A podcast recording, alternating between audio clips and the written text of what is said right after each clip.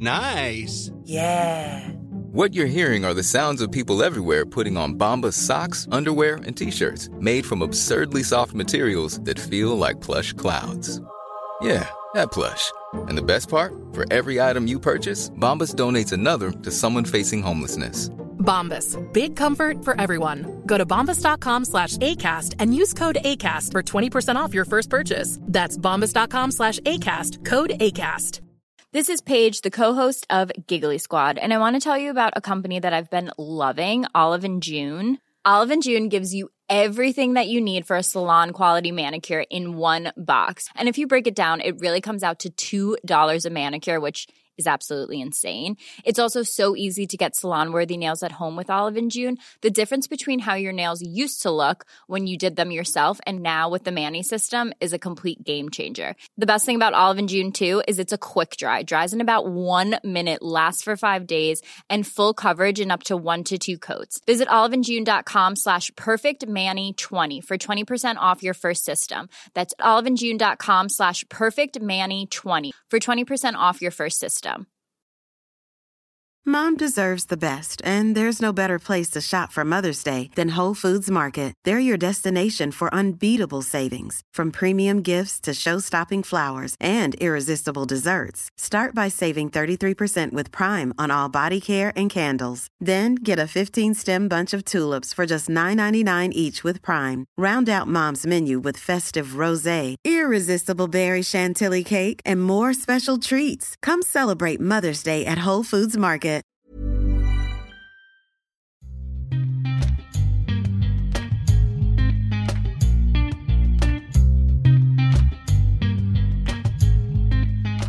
Varmt välkomna ska ni vara till det trettionde avsnittet av Du SSL med mig Samuel och Gurra som vanligt. Det här är ett gästavsnitt och dagens gäst vi har med oss är ingen mindre än Jönköpings tidigare forward men numera back då, Martin Glimberg. Välkommen! Tack så mycket! Kul att ha dig här! Ja, kul att vara med! Hur är läget med dig så här i början på februari? Eh, det är bra. Eh, några lite tuffare dagar nu faktiskt, eh, då jag åkte på coviden här. Men eh, ingen större fara faktiskt, så får sitta hemma ett par dagar till bara. Ingen innebandy med andra ord för dig? Nej, det, denna veckan är lugn. Eh, men det var ju speluppehåll nu för oss i helgen, så det, det var ändå rätt bra timing på det, om man säger så. Hur, vad hade du gjort annars om det inte hade varit, vad ska man säga, om det hade varit speluppehåll? Vad brukar du göra alltså när ni inte har matcher på helger och sådär? Nej, men det blir väl att försöka hinna med. Dels så jobbar jag ju var tredje helg, jobbar på ICA, så ofta så blir det nästan jobb faktiskt. Men annars försöker man hinna med lite tid med familjen och träffa kompisar och sånt som man inte hinner med annars. Typ. Det är väl det man försöker hinna med. Var tredje helg då? Alltså innebär det att du missar matcher ibland eller går det att kombinera? Nej, nej det går att kombinera rätt bra. Jag har det rätt schyssta faktiskt. Så jag brukar ofta ge bort pass eller byta och ibland så ja, vill de vara lediga de andra så får jag byta och då ibland då har man match på lördag och det är min jobbhelg och får jag jobba söndagen och så får jag jobba nästa lördag istället. Så det, helgerna brukar bli rätt fullt upp så antingen är det match eller jobb eller både också. Men eh, det går att kombinera rätt bra ändå så jag ska inte klaga. Ja, eh, vi, vi ska ju säga det för transparensens skull att vi fick ett tips från en eh, kompis till dig om att vi skulle ha med dig i i podden, men, men eh, inte bara dig utan också eh, Sebastian Palmqvist eh, i Mullsjö. Vad, vad är er relation där? Nu kommer vi in direkt på det. Men... Eh. Ja, nej, men vi, vi är ju kollegor. Han jobbar också på ICA. Eh, så ja, jag har ju varit där i snart tio år och jag tror Palla har varit där kanske i, ja, men säg åtta eller någonting kanske. Så vi eh, träffar varandra dagligen. Så det blir, det blir en del innebandysnack på jobbet. Sen har vi några, ja det har gått, kommit och gått några innebandykillar också eh, och just nu är det någon Fågulspelare där också. Så det blir, blir en del innebandytugg på jobbet. Ni representerar alla tre föreningar eller eli- elitlag där eller? Ja, precis. Så det, ja, men det är kul. Hur är stämningen bland er då? För på planen men det vara lite grinigt. Ja, ja, men så är det ju. Den är, ja, men den är jätte, jättebra faktiskt. Vi har jättebra eh, ja, men, relation till varandra så och det blir mycket gott snack på jobbet och sen, men när det väl blir på innebandyplan så är det ju, då är det ju krig liksom och det, det märks lite också att eh, ibland eh, inte hettar till, men det blir ibland eh, tar man åt sig lite mer än vanligtvis kanske och ja, men det är lite så det ska vara. Så det är kul. Jag tänker vi sparkar igång det här avsnittet med en faktaruta för de som inte ja, känner till dig eller har så superbra koll på dig så får de en liten glimt i alla fall av vem Martin Glimberg är. Liksom. Jag tänker vi drar igång direkt med, mm. med ålder. Eh, ja, 28. Eh, född 93, så fyller 29 år. Har du några tankar kring det? Eh, inte mer att man börjar bli gammal. eh, egentligen, jag känner mig inte jättegammal egentligen, men eh, kroppen börjar inte säga ifrån, men jag har haft lite små problem med framförallt ryggen eh, föregående säsong eh, som hänger i lite nu också. Så det är väl mest det man tänker på eh, lite utanför innebandyn också. Hur, vad man ska, hur mycket man ska tänka på det och om det kan ge någonting efteråt. Liksom. Eh, men annars känner jag, jag förlängde faktiskt här nu i, ja, var det innan jul någon gång, eh, kontaktet med JIK och jag känner personligen att jag inte har varit bättre än vad jag är just nu och då känns det lite tråkigt att sluta också. Samtidigt som jag tycker det är fruktansvärt roligt fortfarande så man får köra så länge man kan. Ja, jag tror vi kommer komma in på det där också, tankarna framåt för dig och din ambition, liksom, hur, hur länge du vill hålla på. Position på planen? Eh, ja, back då, eh, som ni sa innan, eh, tidigare forward. Gick väl ner ja, som back, jag skulle säga, ja, knappt koll på det. Jag har testat på det lite de senaste åren, men från förra säsongen var det väl permanent skulle jag vilja påstå. Sen testade jag väl på det någon säsong innan, men Eh, ja, så två säsonger snart i mig som back eh, och trivs rätt bra med det faktiskt. Eh, I början var man väl lite skeptisk men väldigt roligt. Man blir involverad på ett annat sätt och både uppbyggnad och ja, man ser banan på ett annat sätt och ja, så positiva reaktioner från det faktiskt. Ja, gött. Vad, hur kommer det sig att du testade på att byta? Nej, det vet jag faktiskt inte egentligen. Det var alla, jag tror först egentligen var Jacke Olofsson Adelin som vi hade som tränare som eh, hade någon plan för det inför en säsong. Eh, och sen var det väl lite i samband med att vi hade Micke Fredriksson och Pontén därvid. Eh, så testade vi på lite. Jag körde väl någon match som back. Jag tror vi saknade några backar eh, under den säsongen där under några matcher och så fick jag testa på det och sen gick jag tillbaka som forward och sen, eh, sen testade vi det eh, från säsongen efter och det funkade rätt bra. Ja, det får vi väl eh, intyga, både jag och Samuel tror jag, att det har ju funkat ganska bra. Vi kommer in mer på det också faktiskt. Eh, familj, hur ser det ut? Eh, ja, eh, två syskon, en eh, tvillingbror eh, har jag, en enäggstvilling som har spelat hockey fram till denna säsongen egentligen i division 1. Eh, särbo snart, sambo skulle jag vilja påstå, eh, om det går som vi planerar. Eh, ja, det är väl det. Eh, mamma och pappa på olika håll. Eh, och en liten hund på köpet nu då, en liten valp. Mm. Det är fullt upp. Ja, jag får gratulera till det kommande samboskapet. ja, tack. Eh, tvillingbror som spelar hockey, är det HC Dalen vi pratar då? Eller? Ja, precis. Jajamän. Han har spelat där, jag tror jag. Alltså, han var väl med i HVs ungdomsorganisation fram till J20 eller någonting. Och sen efter det har han spelat i HC Dalen där ute ända tills förra säsongen då, eller till denna säsongen. Så division 1 där ute ja. Men är det Jönköping liksom born and raised på, i, ja. på dig och din, och din bror? Ja, Hus, Huskvarna var uppvuxna i från början. Uh, så det, vissa uh, ser det som två helt olika, men det hänger ju typ ihop så. uh, men Huskvarna från början, med Huskvarna som moderklubb då. så Ja just det, för det, det, det, fick man ju reda på när man kollade på Ibis att det står egentligen bara Huskvarna och Jönköping på det, som registrerade licenser. Är det de enda? Mm. Är det, är det ja. verkligen de enda klubbarna du har spelat i? Ja, det är det. är bara de två. Mm. Det är inte unikt, men det är ganska ovanligt att man bara har två föreningar skulle jag säga ändå. Med tanke på de andra ja. jag pratar med. Det, har ändå varit, det, är ändå, det blir ju ändå och, uh, omedvetet eller medvetet eller inte, men det kan ju ändå bli att man samlar på sig vissa klubbmärken. Mm, ja, men så är det väl. Jag skulle inte påstå att jag gått. Jag skulle inte påstå att jag gått den långa vägen, men jag kanske har tagit en lite långsam väg, för jag spelade ändå i Husqvarna ungdomsåren och sen tvåan och ettan och var med. Jag tror jag spelade två år i ettan det sista då. Sen eh, ja, var det väl lite dags att ha på sig. Eh, det var ju samma år, eller året då Jönköping åkte ur SSL Eh, och då blev det ett rätt naturligt steg för mig tyckte jag att ta från ettan till allsvenskan i det läget då. Men ändå en lite så pass stor klubb som Jönköping ändå är. Eh, så jag tror jag bytte när jag var 21 någonting. Eh, så jag spelade ändå i Huskvarna rätt länge skulle jag påstå. Och sen var jag med i allsvenskan där i var det tre säsonger eller någonting och sen gick vi upp då. Så ja, det är nog säkert rätt ovanligt, men det är ändå rätt rimligt i, i det, de stegen jag har tagit så att säga. Du, känner, du känner liksom att det har varit rätt steg att ta vid rätt tillfälle på något sätt? Eh.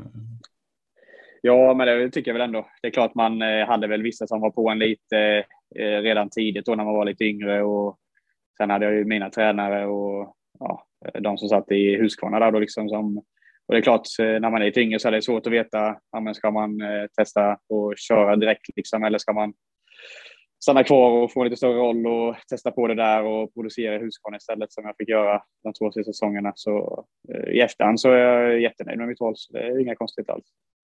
Jag är inte den eh, som heller skulle vilja springa runt i 20 klubbar heller, så mig passade det jättebra att det blev som det blev. Men eh, brorsan spelar hockey. Har, har du spelat mycket hockey också tidigare? Eller hur, hur ser det ut för dig? Har, var du också ja, en idrottare? Ja, vi har idrottat hela vår uppväxt egentligen. Eh, spelat, det var väldigt mycket fotboll och streethockey eh, där vi växte upp uppe i Huskvarnaberget eh, med kompisarna. Men det var egentligen fotboll och hockey som vi började spela båda två, eh, så fotboll hängde väl i ett tag. Eh, sen eh, hoppade jag av hockeyn rätt tidigt ändå ska jag säga och testade på en hel del andra sporter. Eh, fotbollen körde rätt länge, men jag, vi testade båda på friidrott någon säsong. Jag spelade någon säsong handboll och det var någon säsong pingis vet jag. Och, Sen började jag med innebandyn i, jag tror det var i sexan eller någonting. Och där började jag faktiskt som målvakt en gång i tiden. Eh, och eh, ja, ska väl säga, vi hade väl, eh, vi hade väl, eh, det var väl jag och en till, men han spelade inte sådär supermycket, så det var därför jag kämpade med för att ta mig ifrån målvaktspositionen. Jag kommer ihåg, att jag tyckte det var väldigt roligt att spela matcher som målvakt, men det var fruktansvärt tråkigt att träna tyckte jag. Så då ville jag testa på att spela ute, men eh, ja, det var mycket tjat och envishet för att komma ifrån den positionen. Men det blev ju rätt bra till slut också, så får jag vara rätt nöjd. Tror du att du hade kunnat bli en vettig SSL-målvakt eller är det för? Det är vitt i tusan. Jag ska väl nog ändå vilja påstå att jag var rätt duktig när jag var yngre, men samtidigt så ser man på dagens målvakter, det är ju det finns ju de som inte är jättestora heller, såklart Edling och vissa till som är riktigt duktiga, men du, du har ju en stor fördel om du är, om du är en två meters pjäs som Jansson eller Ren eller sånt här. Liksom. Så det, det, är nog inget jag hade satsat på tror jag inte. Ja, jag förstår. Men du sa det, alltså vid 12 års ålder ungefär testade du på innebandy. Det är väl, alltså med vissa mått mätt så är det väl ganska sent också eh, att, att börja med det och sen slutligen bli en elitidrottare. Vad var det som gjorde att du testade på det då? Det var väl egentligen eh, klasskompisarna som spelade lite. Eh, vi var ett gäng där då, eller jag och en till kompis vet, som testade på handboll där i fyran, femman någonting och sen eh, var väl inte det. Eh, jag tyckte det var jättekul också, men det var kanske inte jättemins, alltså min, min grej heller. Jag spelade vad heter det, vänstersexa där, kantspringare. Liten kille med små händer och en stor boll. Så, och han var väl lite, lite bättre på handboll än mig, den kompisen. Och sen var det några andra klasskompisar som spelade innebandy som frågade om man inte skulle hänga med och testa det. Liksom. Så då på den vägen blev det. Eh, och då, jag tror han var en målvakt kort första träningen eller någonting, så då blev det att jag hoppade in där och sen, sen fortsatte det bara.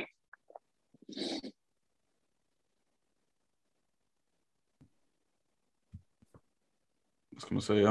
Eh, men om vi hoppar på det direkt då, nu om vi spolar fram eh, till, till dags dato och eh, till ditt positionsbyte som du gjorde. Eh, att att liksom, kände du att när du väl gjorde det så var det, var det behövligt för dig att byta position kände du eller var det egentligen bara var det bara liksom en eh, slump som du tyckte och sen tyckte du att det var jäkligt kul? Eh, jag, jag, skulle vilja fråga egentligen hur, hur det har påverkat dig som spelare att byta position?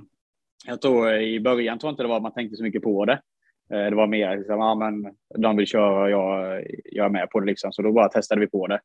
Sen i efterhand så tror jag det var eh, väldigt nyttigt för mig. Eh, det blev, det blev som en liten nytändning för mig. Eh, man hade gått på och spelat med, med nästan samma spelare väldigt länge. Jag spelade mycket med Hässme där, både i Allsvenskan och SL eh, som forward.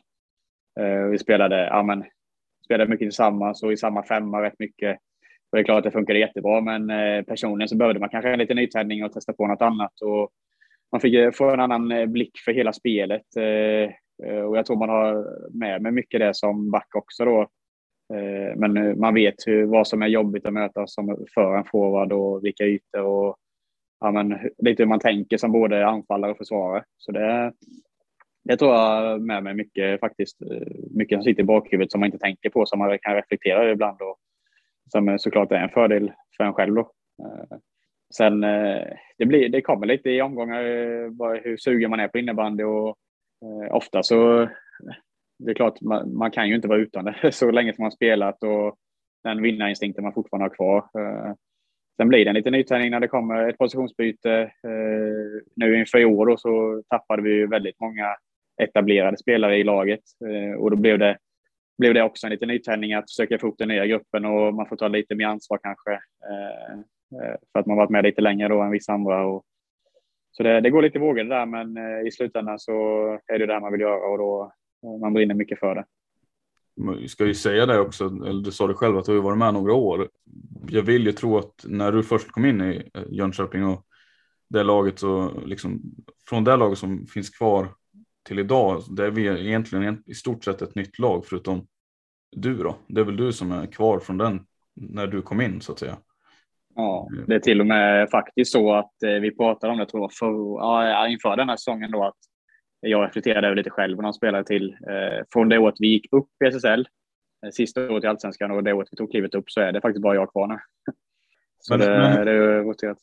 Hur är det att spela ett lag där, liksom, där omväxlingen på spelare är så stor som, de, som den ändå är, måste man säga? Eh, nej, men jag har inte reflekterat över det på det sättet faktiskt. Nu i år blev det ju väldigt stora kontraster då med tanke på att vi tappade 6-7 etablerade spelare verkligen. Eh, föregående år kanske vi har tappat ja, 3-4 någon bra spelare, någon som har gått i Mullsjö och sådär. Och samtidigt några som kanske spelat i tredje femman, lite juniorer som inte har riktigt fått den speltiden. Så det har inte riktigt känts på samma sätt innan först förrän i år då liksom. Eh, eh, så inte riktigt tänkt på det på det sättet. Sen eh, blev det ju påtagligt i år då som sagt, men det är inget jag reflekterat över och sen har det inte varit i sådär supermånga lag heller som vi sa innan så jag vet inte riktigt hur det varit i de andra heller, men inget som har påverkat oss supernegativt mer än vi har ju haft väldigt unga spelare, ungt lag, många säsonger och det är inte jättekonstigt att det byts ut spelare då, att man eh, går till andra klubbar och det rulleras lite på spelare, så det är inget konstigt egentligen. I och med det då, det faktumet, är, känner du dig som en ledargestalt eller är du liksom en i, en i gruppen? Ja, men det, det, vad ska jag säga, jag skulle säga att det är två, två olika sätt att synas på. Eh, jag är väl inte den eh, ledartypen utanför planen som tar plats och snackar mest i omklädningsrum och ja, men på den biten, utan jag försöker alltså framförallt vara en förebild på planen och utanför planen, eh, eh, ta ansvar och ja, men se till så alla är med i gruppen och gänget och eh, ta plats på det sättet och alltså, alla nya känna sig välkomna och eh, vara med en, eh, ja, eh, vad ska man säga, eh, typ eh, kaptensämne på det sättet mer än kanske vara den som snackar på planen och med domaren och i omklädningsrummet. Så det är väl lite därför jag har den rollen jag har nu med assisterande ett par säsonger här. Så, och den trivs jag väldigt bra med, så det funkar jättebra tycker jag.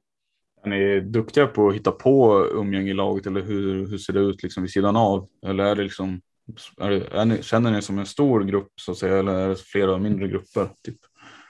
Ja, men så det blir alltid lite gruppering i ett lag, det blir det ju. Sen tycker jag faktiskt i år eh, är, vad ska man säga, det, ja, för första gången på ett par säsonger tycker jag att det känns som en hel grupp, att alla hänger med alla och det, ja, men det känns som alltså, ja, det känns som de här grupperingarna har försvunnit mer och mer inför detta säsongen. Eh, och det ska väl, det är väl, ja, det är väldigt många nya, eh, många lite i samma ålder också. Det är inte jättemånga gamlingar i laget att säga. Eh, och det är väl en fördel på det sättet också såklart. Eh, man bygger relationer med allihopa och alla får en del av laget, så det, det känns väldigt bra i år faktiskt. Det är ju många på en yngre åldersskalan så att säga. Många slutar på 00-talister och slutar på 90-talet. Men en eh, av de äldre grabbarna som har kommit in ganska ny, det är ju Max Lindström. Hur tycker du han har kommit in i laget? Nej, men jättebra. Eh, jag och Max är väl de som hänger lite mer utanför kanske, men det är någon jag hänger mer extra med så liksom. Eh, vi lite av gubbarna i laget och han har kommit in både i gruppen och i spelet väldigt bra tycker jag. Jag hade inte alls koll på honom som spelare innan han kom hit. Eh, men väldigt eh, bolltrygg och eh, väldigt lugn person utanför också. Eh, men även en person som kan eh, ja, men pusha på väldigt bra, hör, hörs också i omklädningsrummet lite när det går tungt och så jag tycker väldigt mycket om Max eh, och det är, det är kul att han eh, fick den här chansen också. Så det, den ska han ha. Ja, han blir kvar precis som du. Har han förlängt kontraktet? Ja, han skrev ju bara ett år från början tror jag, så det var ju väldigt roligt. Hans flickvän också, ja, hon hade väl inte jag tror hon fick eh, tjänstledigt från sitt jobb ett halvår, så tanken var att hon skulle flytta ner sista halvan då, eh, så att hon inte ja, började och sen fick flytta hem igen. Och nu ville de ju båda testa då. Han trivs väldigt bra här nere och eh, så nu har hon flyttat ner precis för någon helg sedan. Så det, det känns ju väldigt kul att eh, han trivs så bra i alla fall, så de vill testa på det här nere. Så det är kul. Men hur är det annars? Eh, eller, finns det någon gemenskap i stan? Jag tänker med alla elitföreningar, alltså innebandyn Jön, Jönköping och är ju väldigt är en innebandystad måste man ändå säga eh, på något sätt med, med Fagerhult och Mullsjö, Jönköping och säkert fler föreningar som jag liksom glömmer. Men är det, umgås man över lagen så att säga? Eh, även om den här rivaliteten med Mullsjö kanske. Ja. Jo, men det är, jo, men så, det är klart. Eh, det är väl ingen gemenskap, jag vill inte säga så sett, men det, det är klart eh, det som framförallt gör att man hänger med varandra i sådana fall tror jag är att ja, men, klubbytena mellan lagen.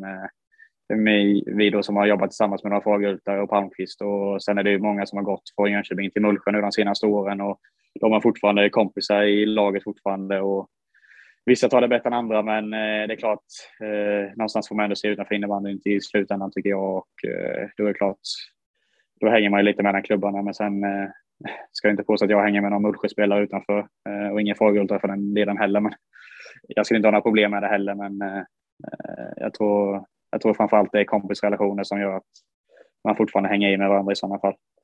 Ja, jag tror inte vi, vi pratade ju om det innan vi börja spela in här, men, men eh, du nämnde, ju, vi fick ju tips där också om att du hänger, en som du hänger mycket med är ju Sebastian Palmqvist i, i Mullsjö då det har aldrig varit aktuellt med något klubbyte där liksom.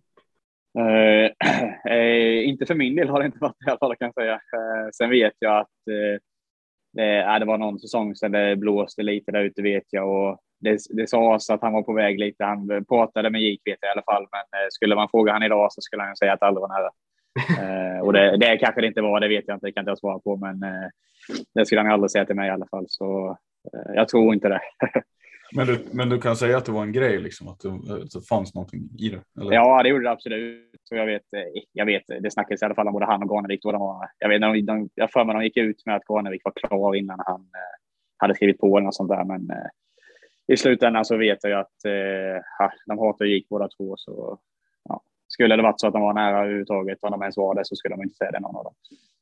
Det låter som att du har ett avslappnat sätt att se på liksom klubb, eh, alltså relationer, alltså se på olika klubbtillhörigheter och alltså relationer över de eh, klubbmärkena. Men hur, hur skulle du säga att det har varit att se liksom lagkamrater då som har bytt till säg Fagerhult eller Mullsjö? Hur har det varit i de situationerna? Att inte bara att, att det är lagkamrat som försvinner utan man också väljer att gå till en, eh, vad ska man säga, en stadsrival eller någonting sånt. Jag, jag är av den, eh, jag tycker man kan se det på två olika sätt och man kan förstå dem också. Vi har, vi i Jönköping här och vi har ju inte vi var ju nära slutspel något år, men eh, vi är ju inget topplag och det är ju bara att erkänna liksom. Och då kan man ju ändå förstå att man, eh, man, vill, man vill spela slutspel och spela de avgörande matcherna. Och sen är det kanske bara tråkigt att det är just Mullsjö, att de ligger så nära, för det blir ju en extra rivalitet och det är ju inte konstigt med det. Samtidigt så kan man väl också tycka att vi har ändå haft med alla de här unga spelarna som ändå har försvunnit. Eh, Otto Nisse nu då i senaste säsongen och innan det SK då, Simon Karlsson till Mullsjö, Malmgren till Mullsjö, Hedin, eh, eh Gustav Johansson gick ju dit också.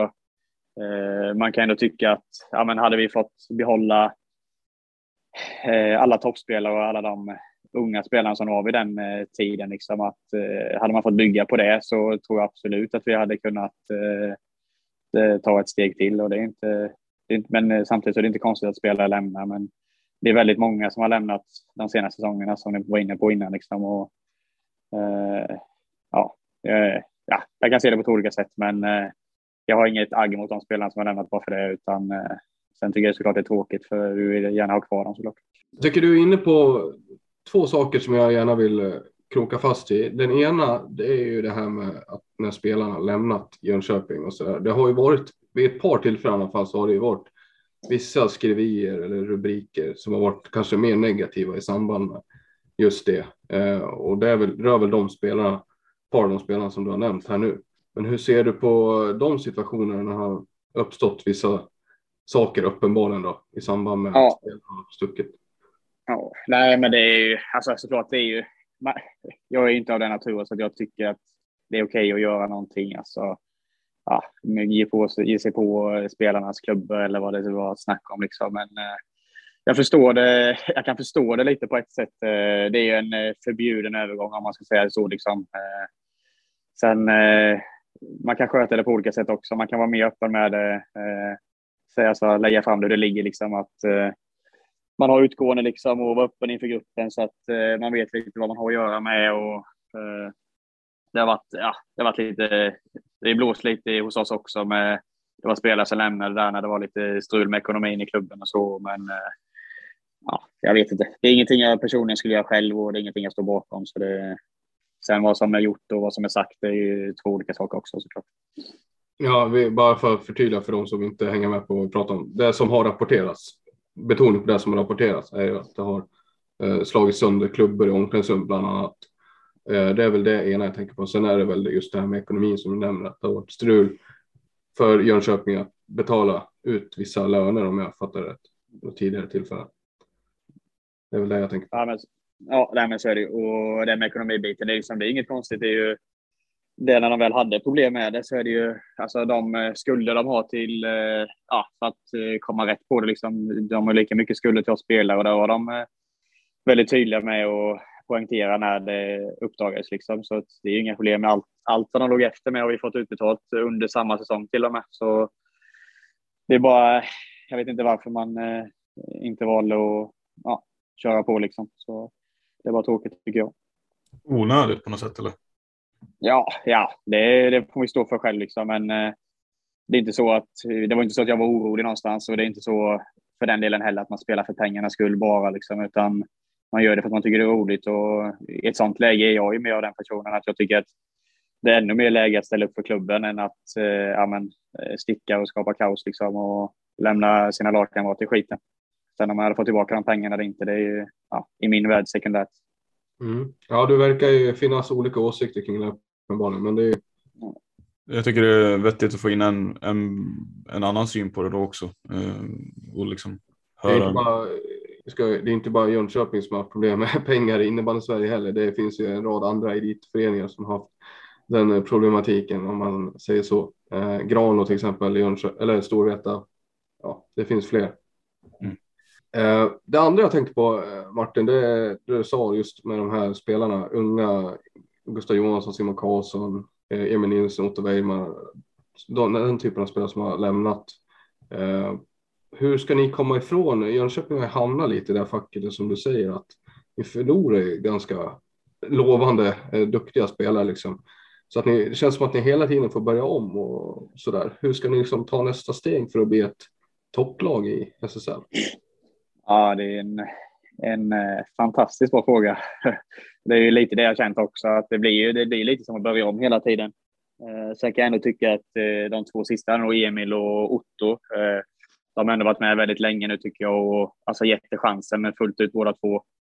Och sen att man väljer att gå till Storvreta och Falun, det är ju, det är ju inget konstigt med det liksom, utan de får sin utveckling i nästa steg i de två klubbarna. Så ändå cred till båda dem som har försökt att dra i det och varit med så länge som jag har varit. De är unga båda två, men de har ändå varit uppe i A-laget väldigt länge båda. Så, eh, sen är det svårt för, det är svårt för oss som klubb också att värva etablerade spelare. Det är ju hård konkurrens och både, ja, både toppklubbsmässigt och ekono, ekonomiskt sett. Och liksom, eh, så det är, det är svårt, svårt att veta vilken väg man ska gå och hur man ska...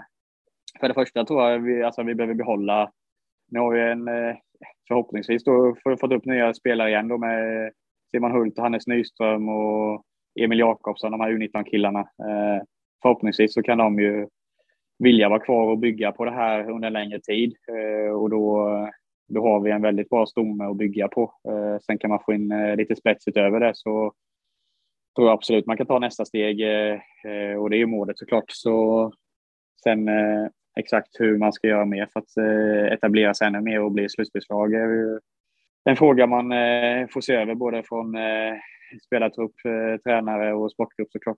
Eh, men eh, jag hoppas vi har något bra på gång. Jag tänker i och med att du är från Jönköping och sådär. Alltså, för, för man kan ju säga att Mullsjö har ju gjort, gjort det och då undrar man ju vad vad är det Mullsjö har gjort som kanske Jönköping inte har gjort då? Eller vad är, det som, vad är det som gör att de lyckas vara ett topplag och Jönköping inte är det? Eh, om man säger så. Ja, det är en bra fråga. Eh, ja, jag vet inte om jag har något jättebra svar på det faktiskt. Eh, jag fick ju faktiskt, de hade ju lite, gamla Mullsjö gymnasiet där fick de in lite spelare på ju. Jag vet att Palmqvist och Jimmy Pettersson är ju båda från Köping och de var där nere och pluggade där båda två. Och sen, ja, sen stannade alla de kvar liksom och de fick bygga på det vidare. Eh, likadant eh, Kasper var rätt ung i den, eh, den vevan också och sen eh, har alla hängt i rätt länge och etablerat sig på det sättet. Så räcker, jag tror det skulle räcka med att man blir ett topplag någon säsong liksom, så att eh, lag kunna locka spelare eh, till sig på det sättet liksom. Eh, så att man inte, som vi nu har varit och harvat där i ingenmansland i fyra, fem säsonger. Det är klart, då, då blir det svårare. Jag, skulle bara, jag vet inte om vi har pratat tillräckligt om det redan, men, men just den här, äh, hur är den sund eller nyttig? Har, finns det fördelar ni kan dra just den här rivaliteten med Mullsjö? Ja, men det tror jag absolut. Eh, sen är det klart, det finns både fördelar och nackdelar. Eh, när Fagerhult var uppe är det klart, som Jönköping, för, eller för Jönköping som stad, eh, tre städklubbar inom, ja, vad är det, tre mil eller någonting. Det är klart, det sprider ut eh, alla toppspelare i tre olika klubbar och det, det fattar man ju själv att det inte är optimalt om man vill bli ett supertopplag liksom. Eh, sen är det klart, eh, det bygger rivalitet mellan klubbarna. Eh, lite klubbtillhörighet, eh, lite mer, vad ska man säga, ja men tävlingsinstinkt och alla hatar ju att förlora liksom, så det, det bygger på intresset utanför innebandyn också med lite derbymatcher och Eh, stämning på så sätt. Så det, det finns ju både fördelar och nackdelar, absolut.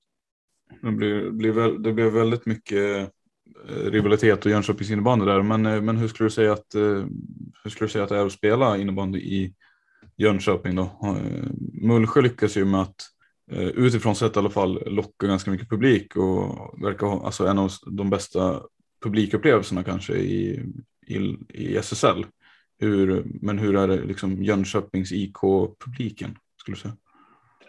Nej, men den, det har väl inte varit fullt hus eh, om man säger så på matcherna, men i år tycker jag ändå vi har fått eh, lite mer folk på matcherna och framförallt kidsen har börjat titta till eh, matcherna och det är roligt. Eh, de får lite liv och det har ju med att göra att vi eh, besöker våra fadderlag som vi har också och synas lite i föreningen på olika event och tillställningar och deras träningar. Så det är klart vi har en viktig del där också.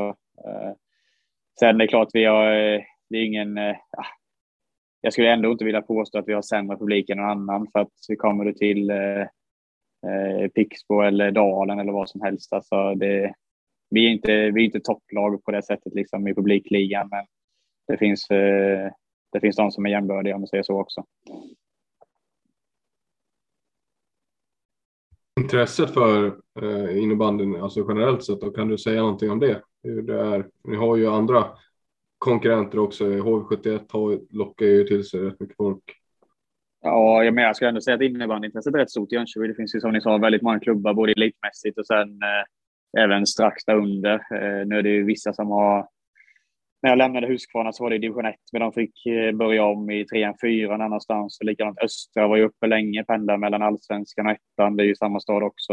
Eh, Barnarp i sin gamla tid var ju uppe i ettan också. Så det finns eh, väldigt många föreningar runt omkring Jönköping och, som ändå är bra. Eh, så innebandymässigt så är det väldigt stort skulle jag säga. Eh, väldigt många föreningar och väldigt många aktiva. Eh, sen är det klart som du säger, eh, publikmässigt och intressemässigt så finns det ju andra sporter som också drar publik. Eh, HV som du säger, J Södra och Hallby, även handbollen, eh, väldigt duktiga på att locka publik eh, på sina matcher. Så det finns väl säkert någonting man kan lära sig av dem också, eh, samtidigt som man kanske får pussla lite med schemat så att man inte lägger hemmamatcherna och HV och Hallby, eller Hallby spelar i samma hall, så det är svårt. Eh, jag vet att de försöker lägga andra dagar än vad HV har i alla fall och det är väl det man får utgå främst ifrån. Hur är ditt eget hockeyintresse skulle du säga? Eh, ja, men ändå rätt stort skulle jag säga. Eh, följ, följer HV så gott jag kan. Eh, alltid, ja, alltid följt dem. Eh, farsan har alltid haft eh, årskort där på sitt plats. Eh, nu är det första året som man inte har det, men eh, gått på lite sporadiska matcher. Men följer alltid resultat och kollar så, så mycket jag kan, ska jag kanske inte säga, men eh, absolut ett intresse. Eh, och sen att brorsan har spelat med då så blir det lite extra såklart. Eh, vad, vad är känslan efter den här säsongen nu de håller på med i allsvenskan? Den, vi har ju kommit en ganska bra bit på den. Hur skulle du liksom. Vad, vad, tycker du om det? Faktiskt, ja, men jag, spelmässigt har jag inte kollat så supermycket. Jag kollade en del i början gjorde jag och då det är klart försäsongen gick väldigt bra för dem också och starten på serien gick jättebra. Och med den truppen de har eh, och eh, så som de ändå ja, har spelat så tycker jag ändå att de bör klara av det. Eh, jag kan tycka lite också att det är en fördel för dem i år nu att de slipper. Det var ju nytt inför förra säsongen att de möter ju inte lag från SHL längre utan de spelar ju ett slutspel mot allsvenska lagen. Och eh, spelar man bäst av sju matcher då mot, säg Björklöven eller Modo eller Karlskoga och löser de inte det på bäst av sju då på något sätt då ska man inte gå upp heller. Så jag tycker ändå förutsättningar finns för dem och Eh, så det, jag hoppas på det bästa, men vi får se. Det dyraste hockeyallsvenska laget genom tiderna måste det ju vara, eller? Ja, det, det är det säkert. Och det är väl lite det att jag tror, jag tror de har lite gratis nu första året med att ja, sponsorer ville ställa upp och de eh, kör detta året liksom eh, ekonomiskt sett. Men eh, det är klart, det, det kommer bli mycket tuffare om de inte löser det första året och folk börjar droppa av och publiken kanske inte kommer eh, 7000 varje match liksom. Och då måste de göra så med, ja, med både spelare och personal uppe. Jag vet, de fick ju ja, såga ner på personalkostnaderna rätt mycket där uppe. Eh, så, men eh, förhoppningsvis kan de studsa tillbaka direkt. Och det, jag tror det hade varit kul för Jönköping och HV både och liksom att eh, komma upp igen. Så att det är ändå där de ska vara tycker jag. Och där de är hemma. Tycker vi lämnar hockeysnacket Samuel, eller vad känner du? Jo, men absolut. Eh, vi kanske ska gå ner på, på dig Martin som spelare lite grann skulle jag vilja göra. Eh, jag tänkte på, du sa i början att du aldrig har känt dig så bra som du är just nu. Hur, hur märker du det, att du, att du liksom spelar din bästa innebandy? Eh, nej, men det, är, det är nog mer en känsla man har själv skulle jag säga. Eh, sen eh, det är klart i år har jag fått eh, eh mycket mer speltid än man haft de tidigare åren eh, och eh, fått mer förtroende på så sätt. Eh, vilket kanske är lite naturligt med tanke på vad vi tappade inför den här säsongen. Då. Eh, men eh, jag är inte, jag, jag skulle säga att jag är en spelare som gärna gör poäng. Men det är inget, ingenting jag grundar på hur bra det går för mig själv så att säga. Eh, ibland kan man ha en period där man spelar jättebra och sen gör man knappt några poäng alls och sen är det tvärtom nästa vända liksom. Så det har ingenting med det att göra, men det är alltid kul att göra mål och som gammal forward så tycker man det är roligt att pilla in en boll ibland och det har jag ändå lyckats med i år. Så, eh, både poängmässigt och spelmässigt, men framförallt spelmässigt skulle jag säga att ja, eh, o, inte ofrivilligt, men eh, utan att tänka på det så tror jag att jag har tagit lite mer plats på planen och tagit lite mer ansvar så sätt. Eh, så det är väl mer det som eh, har bidragit tror jag. Är det några saker du gör, alltså rent eh, speltekniska grejer du känner att du gör nu som du kanske inte har gjort också tidigare? Eller? Nej, det ska jag nog inte vilja påstå mer än kanske att eh, man är lite mer trygg i sig själv och trygg med bollen om det blir eh, alltså om man får press på sig eller lösa situationer, eh, trängda situationer skulle jag vilja säga. Eh, som man löser på ett eh, bättre och enklare sätt än vad man kanske har gjort tidigare säsonger. Och det har väl lite med att göra också. Alltså, ju fler matcher jag får som back, desto fler situationer ställs man inför. Liksom, och ju mer erfarenhet får man där nere också. Och, och såklart lite ålder också. Eh, man känner sig lite tryggare kanske, och lite lugnare med bollen. Så det är nog båda, båda delar spelar nog in där tror jag. Du beskrivs ju som av folk utifrån som väldigt allround. Eh, och av din nuvarande tränare Emil Stille som en av de mest underskattade spelare vi har i SSL? Känner du dig underskattad? Eh, nej, alltså jag, det skulle jag inte vilja säga och den största anledningen till det är att jag vet inte vad folk, vad folk tycker om mig. Eh, jag vet inte vad andra lag snackar om när de snackar om Jönköping, liksom, så det har jag ingen aning om. Eh, men eh, allround skulle jag absolut säga att jag är det, tycker jag absolut. Det säger väl en del också att man kan spela på rätt många olika positioner och ändå lösa det på ett bra sätt tycker jag. sen vad andra folk tycker om mig som spelare, det, det får stå för dem tycker jag. Men, men sett till vad du själv presterar, känner du att du får för lite cred i media om vi säger så? Får, får du för få rubriker? Nej, det tycker jag inte. Det är ingenting jag, alltså, ingenting jag strävar efter att få heller, så det, jag, kör, jag kör mitt race och sen får det, får det bli vad det blir. Ödmjukt? Ja, ibland så. Men eh, vi sa ju det också att det, det har ju blivit, det har ju Huskvarna och Jönköping då spelat med och nu har vi pratat mycket om Mullsjö till exempel. Så där. Hur, men hur aktuellt har det varit att spela utanför kommunen? Då, skulle du säga? Uh, nej, men det har väl i ärlighetens namn inte varit jätteaktuellt. Uh, Varför inte det? dels, nej, men dels uh, när jag bytte till Jönköping så jag tyckte jag fick den utmaningen där som jag ville ha. ändå när jag kom in i Jönköping så det var ju det året de, ja, så de åkte ut som sagt och de tappade ju jättemånga spelare och det var de här unga spelarna med ja, Otto, Nisse, Åkerblom och Adam Hjalmarsson, Jackie Larsson och ett väldigt ungt gäng som kom upp samtidigt som jag flyttade över. Och jag som i min värld då ändå var ganska ung tyckte jag med 21 år eller någonting blev ju ändå en av dem som hade varit med lite längre och ja, en av jag var inte på den yngre halvan om man säger så. Eh, så jag kom in rätt bra där tycker jag ändå på ett sätt. Eh, sen eh, som sagt så Eh, ger jag mig in på någonting så gör jag det gärna fullt ut också. Och, eh, jag har fått lite anbud från andra klubbar, men eh, det är ingenting jag tagit vidare egentligen. Eh, sen har jag ju själv förlängt kontrakten med Jönköping rätt tidigt varje gång. Eh, nu gjorde jag det i november och det har varit så någon gång den senaste gången också. Så det är väl egentligen det jag sa för mig själv nu inför detta säsongen då när mitt kontrakt skulle gå ut här med ryggen och det här. Jag visste inte hur jag kände. Att jag ska inte skriva på någonting för säsongen är slut. Eh, och sen blev det november ändå så det gick ju sådär men. Det, det, var ändå svårt att säga nej då eller? Ja, man har väl lite svårt för det men det är väl det enda jag egentligen skulle vilja med att vänta hela säsongen ut för skojs skull, eller för skojs skull, men för att se lite om det finns ett intresse någon annanstans. Liksom. Det hade varit lite kul att se. Eh, sen kanske det inte hade varit jätteaktuellt ändå och då känner jag väl inte att det är värt att vänta bara för den sakens skull, utan eh, eh, känner jag mig inte redo att flytta eller byta klubb för den sakens skull och då då kan jag lika väl eh, skriva på direkt och eh, lättare för klubben med att veta vad man har att jobba med och för att värva spelare och bygga vad man ska bygga runt och vad man ska söka för typ av spelare och sånt. Så det tycker jag är schysst mot dem i sådana fall. Det känns som du väldigt mycket har just det perspektivet att vad som är bra för klubben och du gärna ser till klubbens bästa i flera fall. Ja, men det är klart. Eh, det är både för, både för klubbens skull, men även för eh, både mig personligen och eh, oss som spelare allihopa såklart.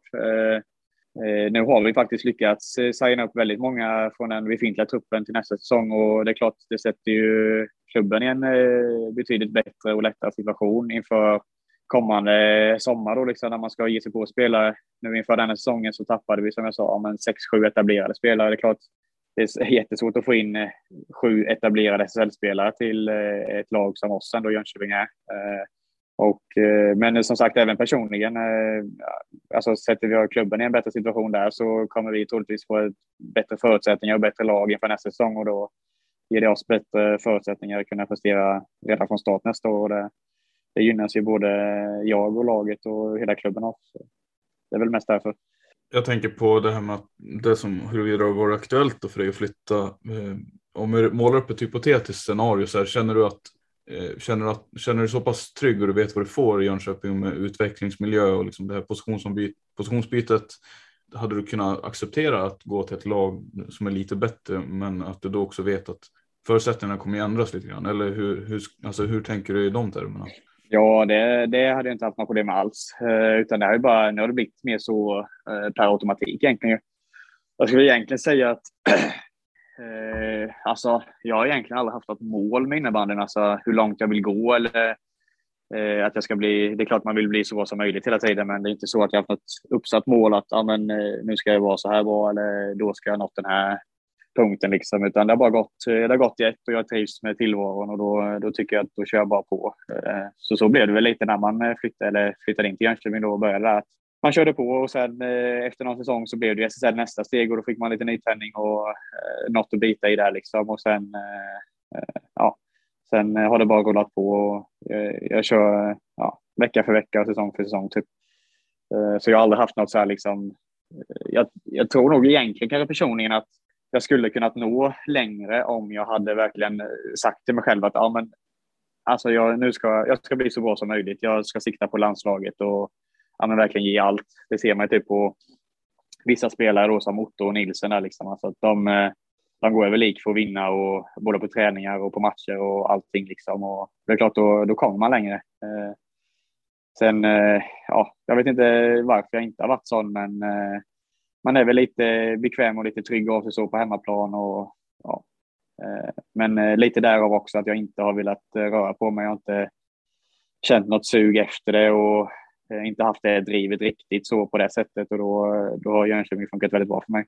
Sen är det klart att jag fortfarande vill ta Jönköping så långt som möjligt och fortfarande bli så bra innebandyspelare som möjligt. Men det, ja, det, jag tror jag kan bli det här också. Och om det skulle kosta mig en plats i något topplag eller en landslagsplats i en landslagssamling någon gång så då tycker jag det är mer värt att ja, ha det bra både på planen vid sidan av och där man känner sig trygg med familj och vänner och sånt också.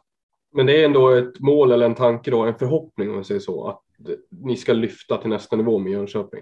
Ja, men det tycker jag absolut. Eh, det är mitt personliga mål i alla fall. Eh, sen har jag varit med väldigt länge nu eh, i klubben och laget, så men eh, så hur mycket man själv får vara med på den resan sen i slutändan får man väl se. Men kan jag vara med och hjälpa dem till att bli ett slutspelslag eller ta nästa lilla steg liksom, så är det mycket värt för mig eh, och en bra bit på vägen. Så det tycker jag absolut. Eh, det känns som det känns att jag fått ordning på mycket i klubben, i organisationen. Fått in Jocke Nordén som sportchef, gör ett jättebra jobb.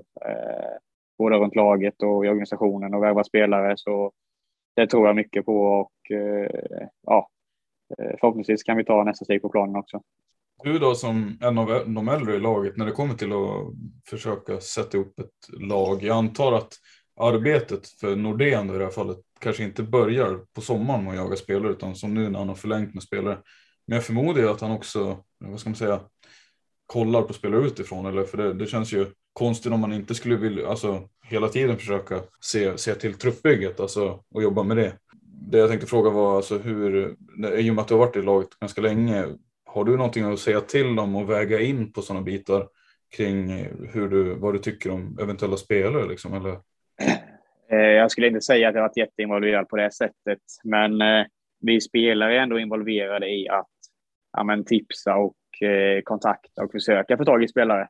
Eh, det är ju, alltså för oss som klubb så är vi inte, vi är inte Storvreta Falun eller något sånt som bara kan ge fram ett kontaktförslag liksom, utan eh, jag vet att ja, men våra unga spelare är bra på det och Otto och Nisse var liksom likadant också när de fick hit typ Filip Björk till exempel.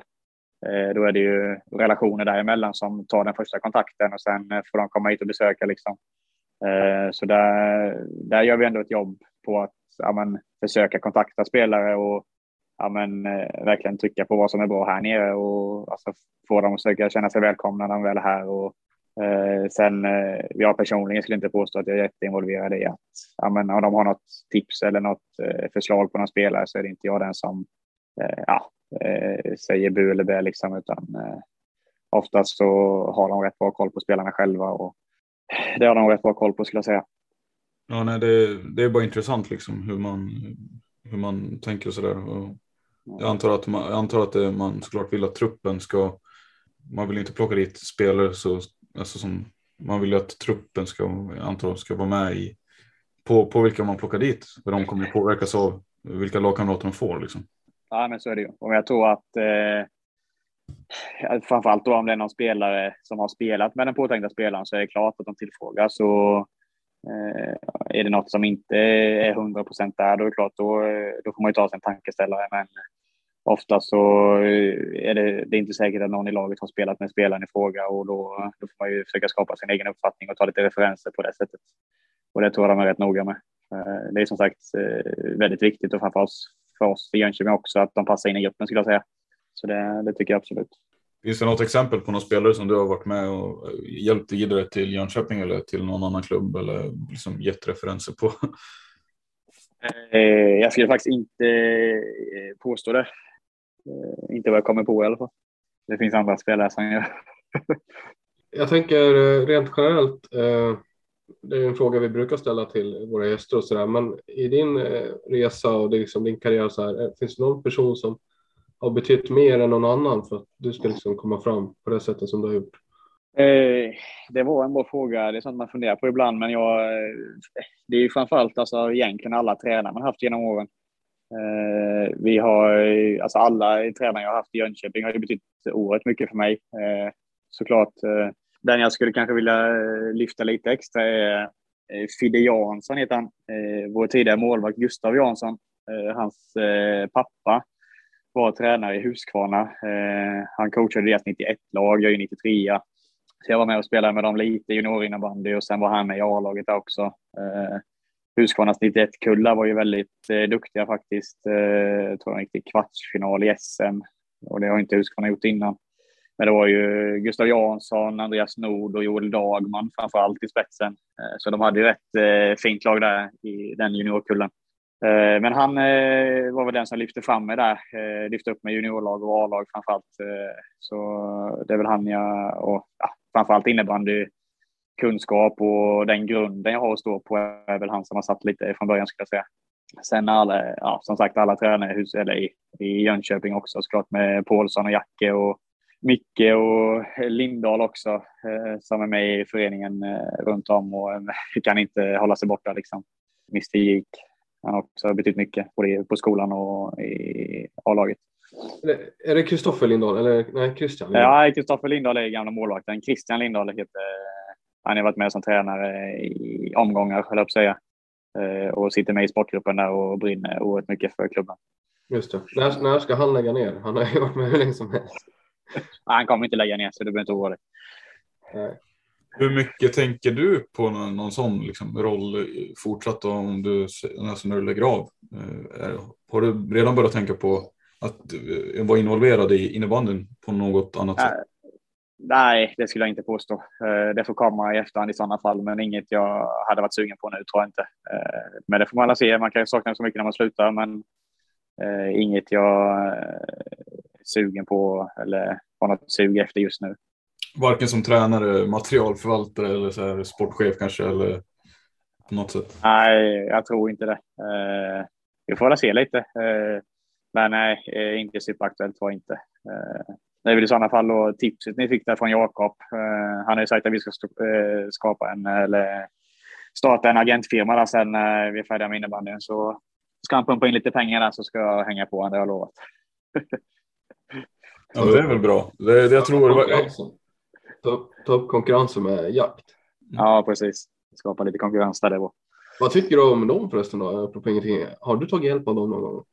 Eh, nej, ingenting alls. Eh, så jag har lite dålig koll på det faktiskt. Men eh, spontant jättebra att de finns. Eh, framförallt för en annan då, så om jag skulle, ja men är man lite dålig på att förhandla själv så är det ju kanon också ju. Eh, de har mycket kontakter med liksom, eh, alla föreningar och även utlandet om man vill eh, röra sig ditåt. Så, eh, jättebra för dem som eh, vill använda sig av det. Sen har jag väl inte varit i något behov av det känner jag och då har det inte varit aktuellt. Skulle du, har du möjlighet att, alltså, jag, för jag är jättenyfiken på det, alltså det rent förhandlingsmässiga då. Har du möjlighet att ta oss igenom hur det har sett ut för dig vid varje tillfälle eller något tillfälle så här, som har det sett ungefär likadant ut när du ska skriva på? Ja, ja men det skulle jag säga att det gör. De, eh, de kommer med ett förslag och sen eh, justerar jag det lite grann och sen kommer det tillbaka till dem och sen kommer det tillbaka till mig och då är det färdigt. Typ. okay. Jag är nog inte den eh, mest svåra att förhandla med, ska jag säga. Eh, sen, eh, jag, jag är nöjd med det kontaktet jag har, så jag ska inte klaga. Sen, eh, det är ju lite, lite där som man är som person också, som jag varit inne på innan. Liksom, man kan ju vara lite, ja, lite dryg och förhandla upp och bara för att du vill ha pengar liksom. Men eh, jag känner inte att jag har något behov av det. Då kan jag vara, ja, ställa upp lite mer för klubben eller vara lite skön istället. Och, eh, jag tycker ändå jag har det bra som jag har det. Eh, jobbar heltid också så jag ska inte klaga. Så jag har det rätt bra faktiskt. Ja, men det är intressant. För de som är kanske lite yngre och kanske lyssnar på det här som kanske har sämre koll på liksom förutsättningar är liksom för elitnivåspelare, en, en etablerad SSL-spelare så att säga som du är hur, vad ligger på bordet när det ska förhandlas så att säga? Vad, vad får man som innebandyspelare på elit? Ja, men det är ju, jag har inte koll på de andra klubbarna, men det beror ju såklart helt på vilken typ av spelare du är och alltså, vilken säga, position du har i laget. Eh, jag skulle säga att eh, jag har det lite bättre nu tack vare att jag varit med så länge. Eh, det är klart, kommer du som ny spelare som jag då, 21 år till Jönköping, så är det inte, ja, det är inte 20 000 att lägga på bordet första gången. Liksom. Men har man, har man varit med och förlängt kontraktet tre gånger så jag har inte gått ner någon gång i lön om jag säger så. Eh, så ju längre man hänger i, desto bättre blir det väl, skulle jag vilja påstå. Eh, sen är det ju klart, eh, ja, som sagt, från klubb till klubb, men eh, jag skulle vilja säga Nej, jag vet inte om jag ska gå in på några belopp förresten. Ja, men, men förutom, du inte nämna exakt belopp, men förutom, kanske en extra månadsinkomst där. Men är det något annat som klubben kan ställa upp och hjälpa till med? Lägenheten? Ja, ja, men det är klart att kan göra det. Och jag har ju egen lägenhet och jobb liksom, men det är ju två grejer som de absolut kan hjälpa till med. Eh, kan man fixa lägenhet och fixa ett jobb så är det mycket värt också. Eh, kan man få en liten del av innebandyn så kanske de kan fixa ett jobb som du jobbar 75-80 procent på och det kan passa dig rätt bra. Eh, och då är det ju jättetacksamt såklart. Eh, och då kan det väl kanske vara med som en del i kontraktet att de ska ha någonting till dig. Eh, om man har kontakter på något ställe, på någon skola eller om man sitter på ett par lägenheter. Jag vet att klubben har några lägenheter här de har till spelare.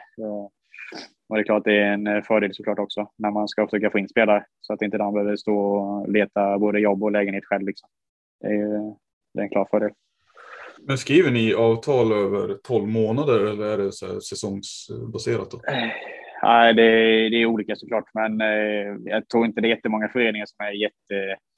Det brukar inte vara jätteintressant att skriva ett år. Eller intressant, det beror på eh, vilken, vilken spelare du är, men ofta så vill de skriva mer än ett år. Eh, så jag har ju skrivit två år varje gång jag har skrivit. Eh, vissa skriver ju, ibland kan de skriva ett plus ett och sånt där, men Eh, det vanligaste är väl två år i alla fall, ska jag säga. Det är väl för att de ska slippa förhandla om varje år också såklart. Ja, men jag tänkte mer så här, är det nio månader då, alltså medan innebandysäsongen pågår? Ja, alltså, du menar så såklart. Ja, ja, eh, ja, eh, ja eh, åtta eller nio månader brukar det nog vara. Men det nog, kan vara olika från klubbar till klubbar med, men eh, åtta eller nio månader brukar vi ha i Jönköping i alla fall. Ja, spännande. Då, då har man fått en lite klarare bild av det också. Det är, det är väldigt få märker man som vill gå in på detaljer rent vad man får, egentligen får ut och sådär.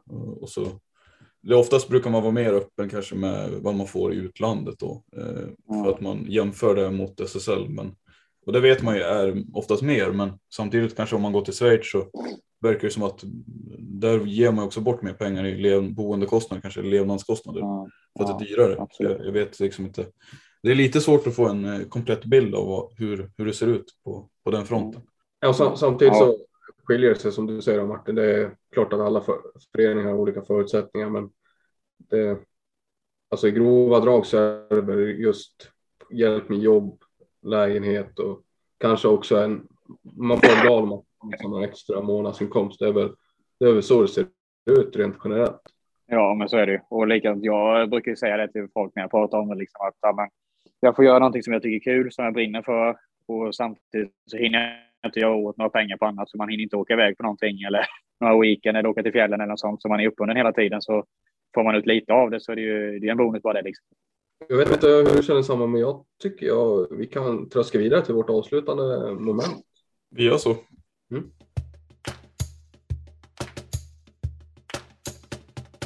Då är det alltså fem snabba frågor som gäller. Ja. vi kommer väl utveckla, vi kommer gå in mer på dem efter vi är klara tror jag. Ehm, mm. Men jag tror vi måste formulera om en av de här för att vi har en standardfråga som funkar, men jag tror vi måste formulera en av dem just för dig, för det funkar inte. Nummer ett, mål eller assist? Eh, mål. Största trash talken i SSL? Eh, den var väldigt bra där. Eh, jag är inte så involverad där. Eh, Palmqvist kan vara rätt bra på att surra faktiskt. Jag säger Palmqvist inom parentes då. Och du måste byta position för en match. Center eller målvakt? Målvakt. Den bästa spelaren i SSL? Nej, men då säger jag Emil Johansson tror jag. Slutligen, vilka vinner SM-guld 2022? Då säger jag Falun med ett litet finger upp för Växjö. Oh, Växjö kommer där. Ja, jag tycker de är bra. Alltså. Ja, de är inte dåliga. Ja, Samme, du har lite funderingar på det här. Jag tycker det fanns lite utrymme för att ställa följdfrågor faktiskt. Ja, dubbelt upp Falun då i och med att du väl säger Emil Johansson som bästa spelaren och eh, Falun då på SM-guldet. Är vad, Emil Nej, Johansson, men... är, är det för att, eller vad är det du ser, ser på med honom? Han är, jag tycker han är en eh, komplett spelare. Eh, han är ja, men bra på alla delar ska jag säga och en oerhört eh, svår och jobbig spelare att möta. Eh, sen finns det såklart olika, olika vad ska säga, typer av spelare som är jobbiga att möta. Eh, han, eh, han spelar såklart fysiskt, men det är inte den största spelaren i närkampsspel som typ Nilsbert och vissa andra spelare. Men eh, som innebandyspelare tycker jag han är, är men den eh, mest kompletta vi har. Sen tycker jag även eh, Aren faktiskt, när vi mötte han i Storvreta eh, tidigare, tycker jag också var oerhört bra faktiskt och drev eh, väldigt stora delar av Storvreta. Eh, och så pass ung som han ändå är. Liksom. Men eh, ja, det är väl de två eh, jag skulle säga. Det var ju ingen av dem som eh, fick, något, fick det priset, tror jag var som årets eh, spelare, världens bästa spelare på här sidan. Hur, vad är din tanke om de, de omröstningarna? Liksom då? Du, jag har jätterolig koll på dem. Eh, sen vet jag vet knappt vem som vann. Eller, ja, nej, nej, vet jag inte heller. Det var inte Kim Nilsson eller nej? Tobias Gustafsson va? Tror jag. Tobias Gustafsson fick den kanske. Ja. ja jag vet bara att Edling var högt upp också. Va?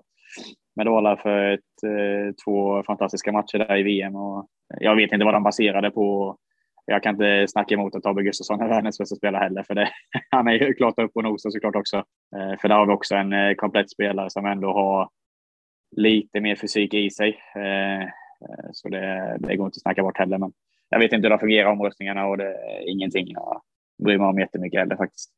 Sen, sen jag tycker det här är en, alltså tidigare säsonger hade man kanske inte behövt ställa någon särskilt mycket motfrågor på att Falun skulle vinna SM-guldet.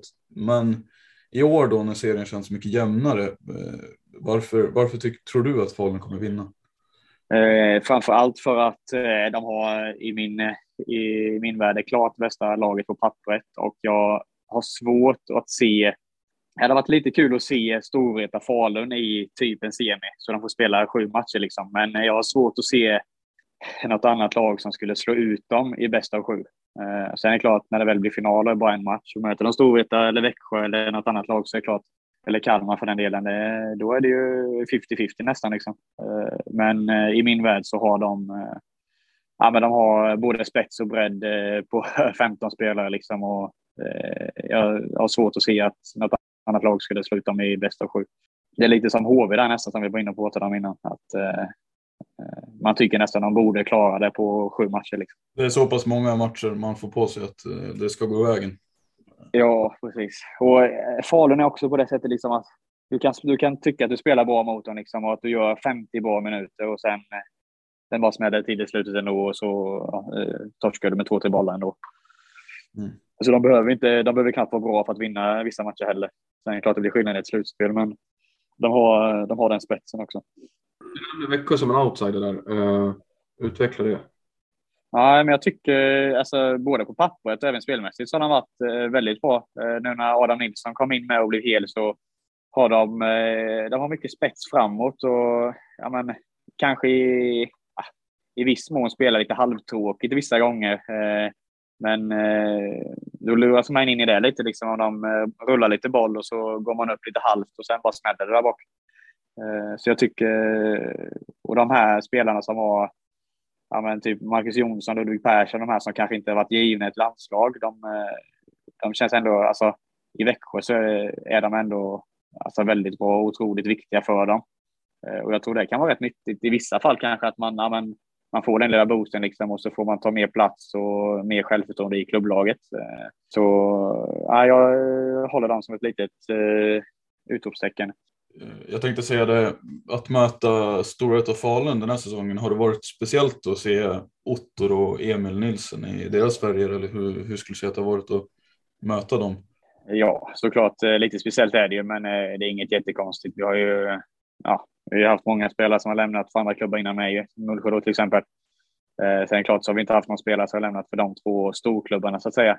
Så det blir väl lite, när man mött Mullsjö innan med gamla spelare så har det blivit lite, det är lite mer rivalitet och ja, lite mer, ja, men lite mer hets på det sättet kanske. Nu är det mer liksom att ja, men både Storvreta och Falun är två ja, men, storklubbar i, i den aspekten och eh, ja, det har inte blivit riktigt samma, eh, samma ja, rivalitet eller intensitet eh, under de matcherna så sett. Så det har väl varit lite skillnad kanske så sett. Vill du, kan du gå in på hur du tycker att det har gått för de eh, spelarna eller hur kan du? Eh, ja, alltså jag har inte super, super koll, men jag vet att Emil hade lite tufft där uppe i början ju, eh, både poängmässigt och lite spelmässigt kanske. Eh, sen bytte de ju tränare. Det jag lider mest med honom egentligen är att jag har inte riktigt koll på när han kom in i landslaget första gången, men eftersom VM var uppskjutet så det har inte spelats på två år och jag är nästan säker på att han har varit med på varenda landslagssamling eh, i två år liksom. Och sen första gången han blev utanför så är det VM, så det var ju lite synd om honom. För det är en eh, fantastiskt bra innebandyspelare, eh, hur bra som helst i många delar också tycker jag. Eh, så men eh, nu har han väl kommit igång lite. Jag tror han varit sjuk nu det senaste, för han, jag tror han var hemma i corona också. Eh, så, men han är väl på gång i alla fall. Och, men eh, det är klart att han måste veta de förutsättningarna för han också. Hos oss spelar han ju han spelade nästan två av tre byten varenda match. Han spelade nästan 40 minuter och spelade boxplay, spelade powerplay och 6 mot 5. Och kommer in i ett Falun där då med den truppen de har så är det ju inte konstigt att man inte spelar 40 minuter hela tiden. Det är inte, det är inte konstigt än så liksom. Så den, eh, den omställningen eh, tror jag han var förberedd på ändå. Så, eh, sen tycker jag Otto har gjort det väldigt bra. Det kändes som det var en del som lyfte lite på ögonbrynen när han gick till Storvreta, men jag tyckte det var det passade klockrent för honom. Dels han får, ja men han, han behöver ju inte spela, nu har han gjort det väldigt bra när han spelat den första femman med Sjögren och någon till tror jag han har spelat lite med. Eh, sen har matchen varit nere i tredje liksom. Men det är en spelare som tar eh, mycket plats både utanför och även på planen, tar ansvar och driver eh, både femman och hela laget. Så det tror jag var väldigt bra, bra värvning för Storvreta, både för i år och även för framtiden. Så, och det känns som han har eh, sprutat in lite poäng med ändå. Så det tror jag, han hade gått lite bättre för tror jag, om man ska säga så. Ja, eh, intressanta kommentarer. Eller vad säger du? Ja, absolut, jättekul. Vi, alltså det är ju två spelare som för något, eh, för ett par år sedan, de har ju varit med väldigt länge som du säger och sådär. Eh, men man hade väl kanske tänkt att de ska med i landslaget här snart. Men det känns som att det, det har kanske tagit lite längre tid då än vad man hade trott. Eller vad är, vad är din bild av det Martin? Ja, i sådana fall är det väl Otto på den fronten kanske. För Emil har ändå varit med sen han kom med första gången så tycker jag nästan han har varit med hela tiden eh, och tagit eh, väldigt stora steg. Eh, Otto, jag vet inte, jag skulle inte säga att det är mer konkurrens bland centrarna, men det kanske i min värld kanske lite mer förståeligt att han inte varit med lika mycket som Emil. Eh, han hade, eller på slutet har han väl inte varit med alls skulle jag inte säga, men kanske men eh, eh, det är absolut en spelare för framtiden och som absolut kan komma med sen längre fram. Eh, och ge han något år här i Storvreta så kan han ta stora steg också. Eh, för den spelare som har ja, men väldigt eh, bra och fina kvaliteter för att eh, bli en landslagscenter i, lite längre fram här. Så sen om det har tagit lång tid för dem vet jag inte. Vad är de född 98 båda?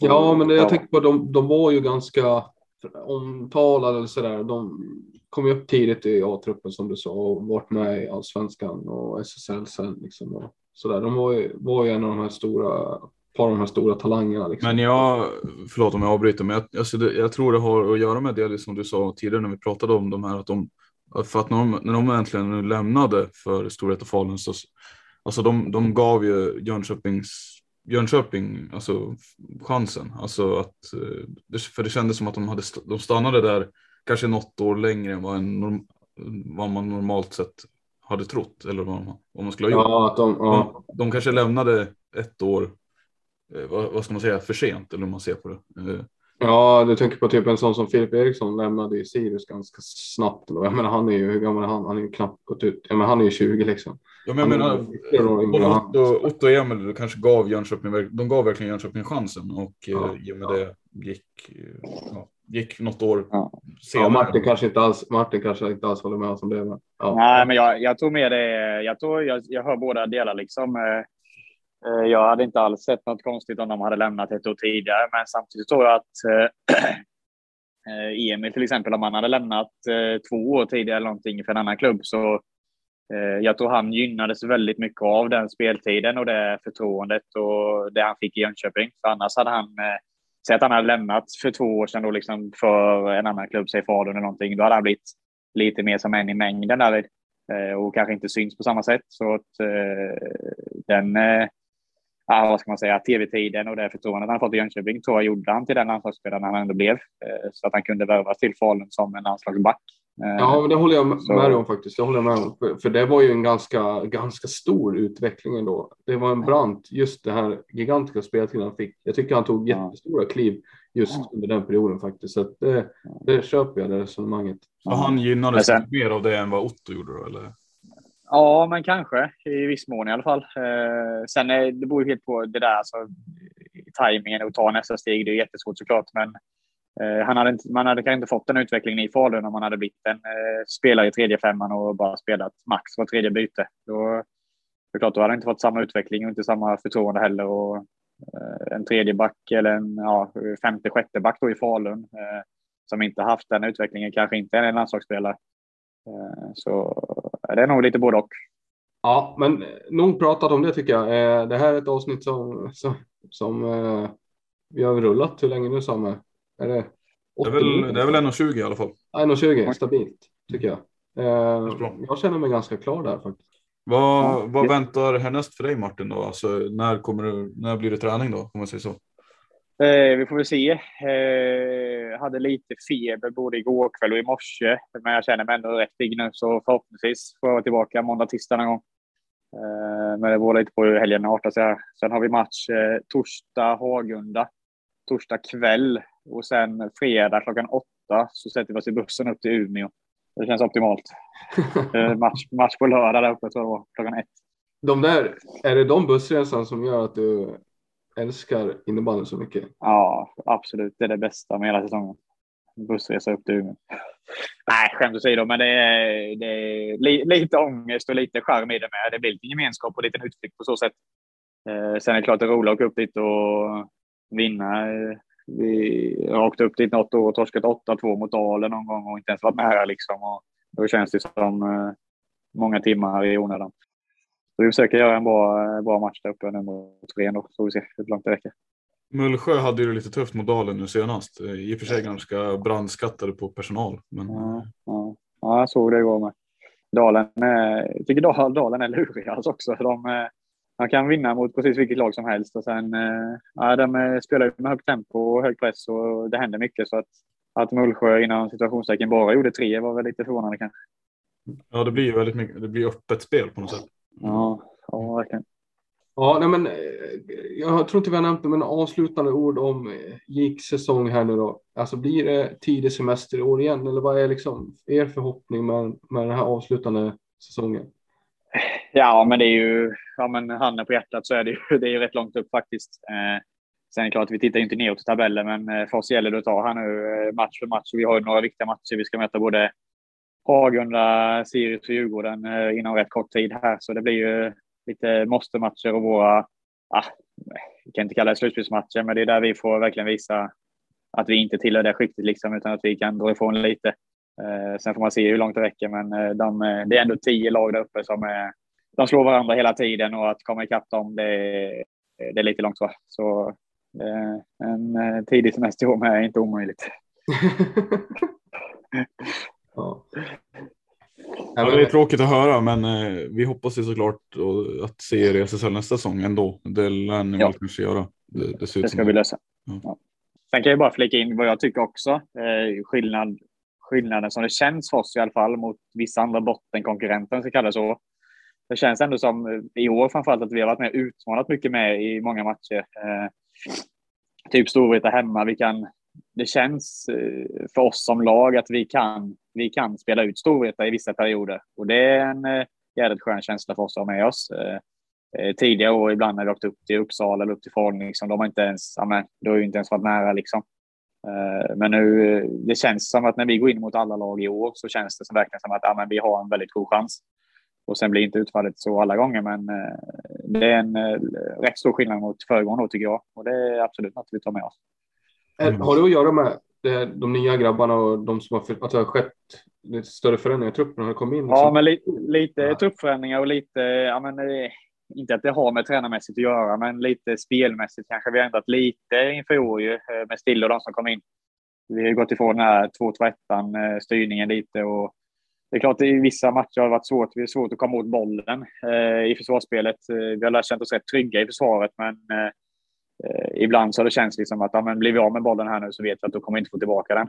Eh, och då blir det kanske lite svårt att eh, flippspela lite in mot kasse och spela lite volley och ta lite avslut. Och då blir man kanske omedvetet lite mer passiv. Eh, nu vet vi mer att ja, men vi kan eh, gå upp och köra lite mer. Vi har en annan växel, eh, vi har ett annat sätt att försöka vinna tillbaka bollen och då, då kan man göra sju mål borta Vreta alltså, och ändå ha chansen. Sen klart, vi släpper kanske in lite fler mål, men det är ju en, en bieffekt av det såklart. Eh, men det är väl ja, ja, lite, ja, lite roligare att spela innebandy kan man säga, men rinner det bara bakåt så är det inte så kul såklart.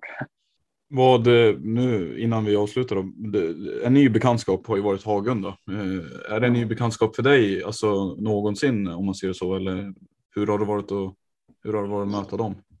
Ja, jag har ju aldrig sett på dem innan faktiskt, så det var ju en eh, helt ny bekantskap. Och vi vann där borta 3-2 för mig någonting. Vi, ja, men, väldigt eh, dålig match av oss skulle jag säga. Eh, sen var de eh, väldigt passiva i sitt spel. Jag tror de spelade en eh, låg 2-2, om jag inte missminner mig. Eh, eh, låg väl på kontring rätt mycket, men eh, känns ändå som de har fått ihop det rätt bra. Eh, sen ska alla egentligen i den här säsongen sett ska både vi och Hagunda vara rätt tacksamma för att de lagen där bakom har tagit så lite poäng som de har gjort. För annars är det klart, då hade vi varit inblandade där båda två också. Eh, men eh, en positiv överraskning ändå med tanke på att de deras eh, etablerade eller stjärnspelare var väl de som lämnade när de gick upp egentligen. Så den credden ska de ändå ha. Är det förvånande att Sirius och Djurgården har tagit så, så få poäng? Då? Det låter som det. Ja, lite. Djurgården i ärlighetens namn har inte jättebra koll på och att de gick upp var väl en liten skräll så att de skulle vara där nere. Det hade man väl lite, lite koll på eller det trodde man väl i, i på förhand lite. Eh, Sirius tycker jag Eh, ja, det är lite märkligt tycker jag, för jag tycker på pappret har de rätt. Eh, ja, men, eh, det är många gubbar som varit med och spelat i SSL länge och alltså, ja, på pappret ändå rätt eh, bra lag skulle jag ändå säga. Men när vi mötte dem hemma så var det, då var det inte alls bra tycker jag inte. Så spelmässigt det vi mötte där, då hade de precis bytt tränare igen vet jag, men eh, så som det ser ut där så är jag inte förvånad. Men eh, på förhand och vilket lag de har så lite förvånad absolut. Ja, man, man, undrar ju lite grann vad det beror på. Men nu, nu tänker man ju att det måste ju handla om eh, lite men, att ha satt sig mentalt också kanske. Ja, så är det. Förtroendegrej ja. på något sätt. Ja. Jag tror, om vi ska inte fastna där, men, men jag tror att de har vunnit en match år. Det var deras premiär och sen dess har ni har de spelat 16 matcher till. Jag tror och det är ju bara förluster. Alltså det, hur ska man kunna bryta en sån trend? Du som har spelat i, i lag och innebandy och håller på med det länge. Liksom, hur, hur viktigt är det när det sätter sig? Jag menar, det är 16 raka torskar. Det... Ja. Nej, det är klart det, det måste vara oerhört tungt. Det tänkte jag inte ens på, men de hade väl Djurgården i premiären som du sa. Ja. Så det är ju faktiskt noll efter det och det är ju det är lite unikt så kanske, men eh, det, det sätter sig säkert lite innanför. Sen är det ju det är ju det är väldigt många bra lag med också. Det är ju ja, men topp 10 är ju ändå. Det är ju ändå topplag skulle jag säga. Eh, vad är det nu som ligger utanför? Är det Torén och Helsingborg kanske? Och Helsingborg både inför säsongen och på pappret tycker jag de, eh, de kan absolut vara med och utmana och det trodde man innan säsongen med. Så att ja, men de topp 10-lagen är ändå tuffa att möta. Alltså det är ingen match där de går in med att vara favoriter eller att de förväntas ta poäng kanske. Sen är det klart man måste ha några sådana, för annars hamnar man ju där nere. Men och en vinst mot Djurgården och en torsk och sen eh, är det bara vi och Hagunda kvar, höll jag säga. Ja, jag menar, de, de har ju ändå inte lyckats vinna de matcher de ska vinna, som kanske mot er eller Hagunda. Så är det. Så är det. Det var ju lite skillnad mot när vi kom upp första året vet jag med Paulsson. Han hade ju räknat mycket på statistik och sånt där och vilka matcher man skulle vinna och hur många poäng man skulle ta mot vissa lag och sånt där. Jag tror vi vann eh, alla matcher i princip mot de som låg under oss i serien. Och det var ju de som sagt, det var de vi var tvungna att vinna och det var ju bra både för att de inte fick poäng och vi fick poängen. Sen eh, gick det tungt, eh, tungt mot de lagen som var framför. Men eh, ska man vinna några matcher så är det ju framförallt de som ligger runt en själv och det är oerhört viktigt. Vi avslutar sådär Sam Jag tror det. Eh, det har varit jättekul att ha dig här Martin och mm. jag ska säga att jag hoppas, hoppas kunna få med kanske Sebastian Palmqvist i podden någon gång. Se vad han säger. Om... Vara på den? Ja, Det här har varit det 30 avsnittet. Eh, ni ska tacka för att ni har lyssnat. Ehm, så hörs vi snart igen i en poddspelare någonstans. Återigen tack, eh, tack Martin för att du har varit med och tack alla ni som eventuellt lyssnar på det här. Eh, ni vet var ni hittar oss på Facebook, Insta, DuSSL heter vi. In och följ oss där. Ja, ha det gott till nästa gång.